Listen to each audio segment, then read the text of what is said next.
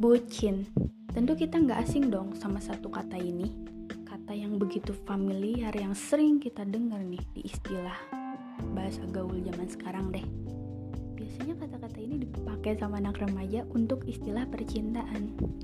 So, besok gue bakalan bahas all about bucin di podcast gue bersama dua narasumber yang asik dan dijamin gak jaim nih. Hmm, kira-kira apa sih tanggapan mereka soal bucin dan pengalaman bucin yang udah mereka lewatin bersama pasangannya. So, stay tune. Besok tonton podcastnya di Podcast Almira, oke? Okay? harap dengan podcast bucin ini, ini bisa menginspirasi buat kalian yang lagi seneng-senengnya, lagi bucin-bucin sama pasangan. So, yang buat yang jomblo jangan iri, jangan khawatir.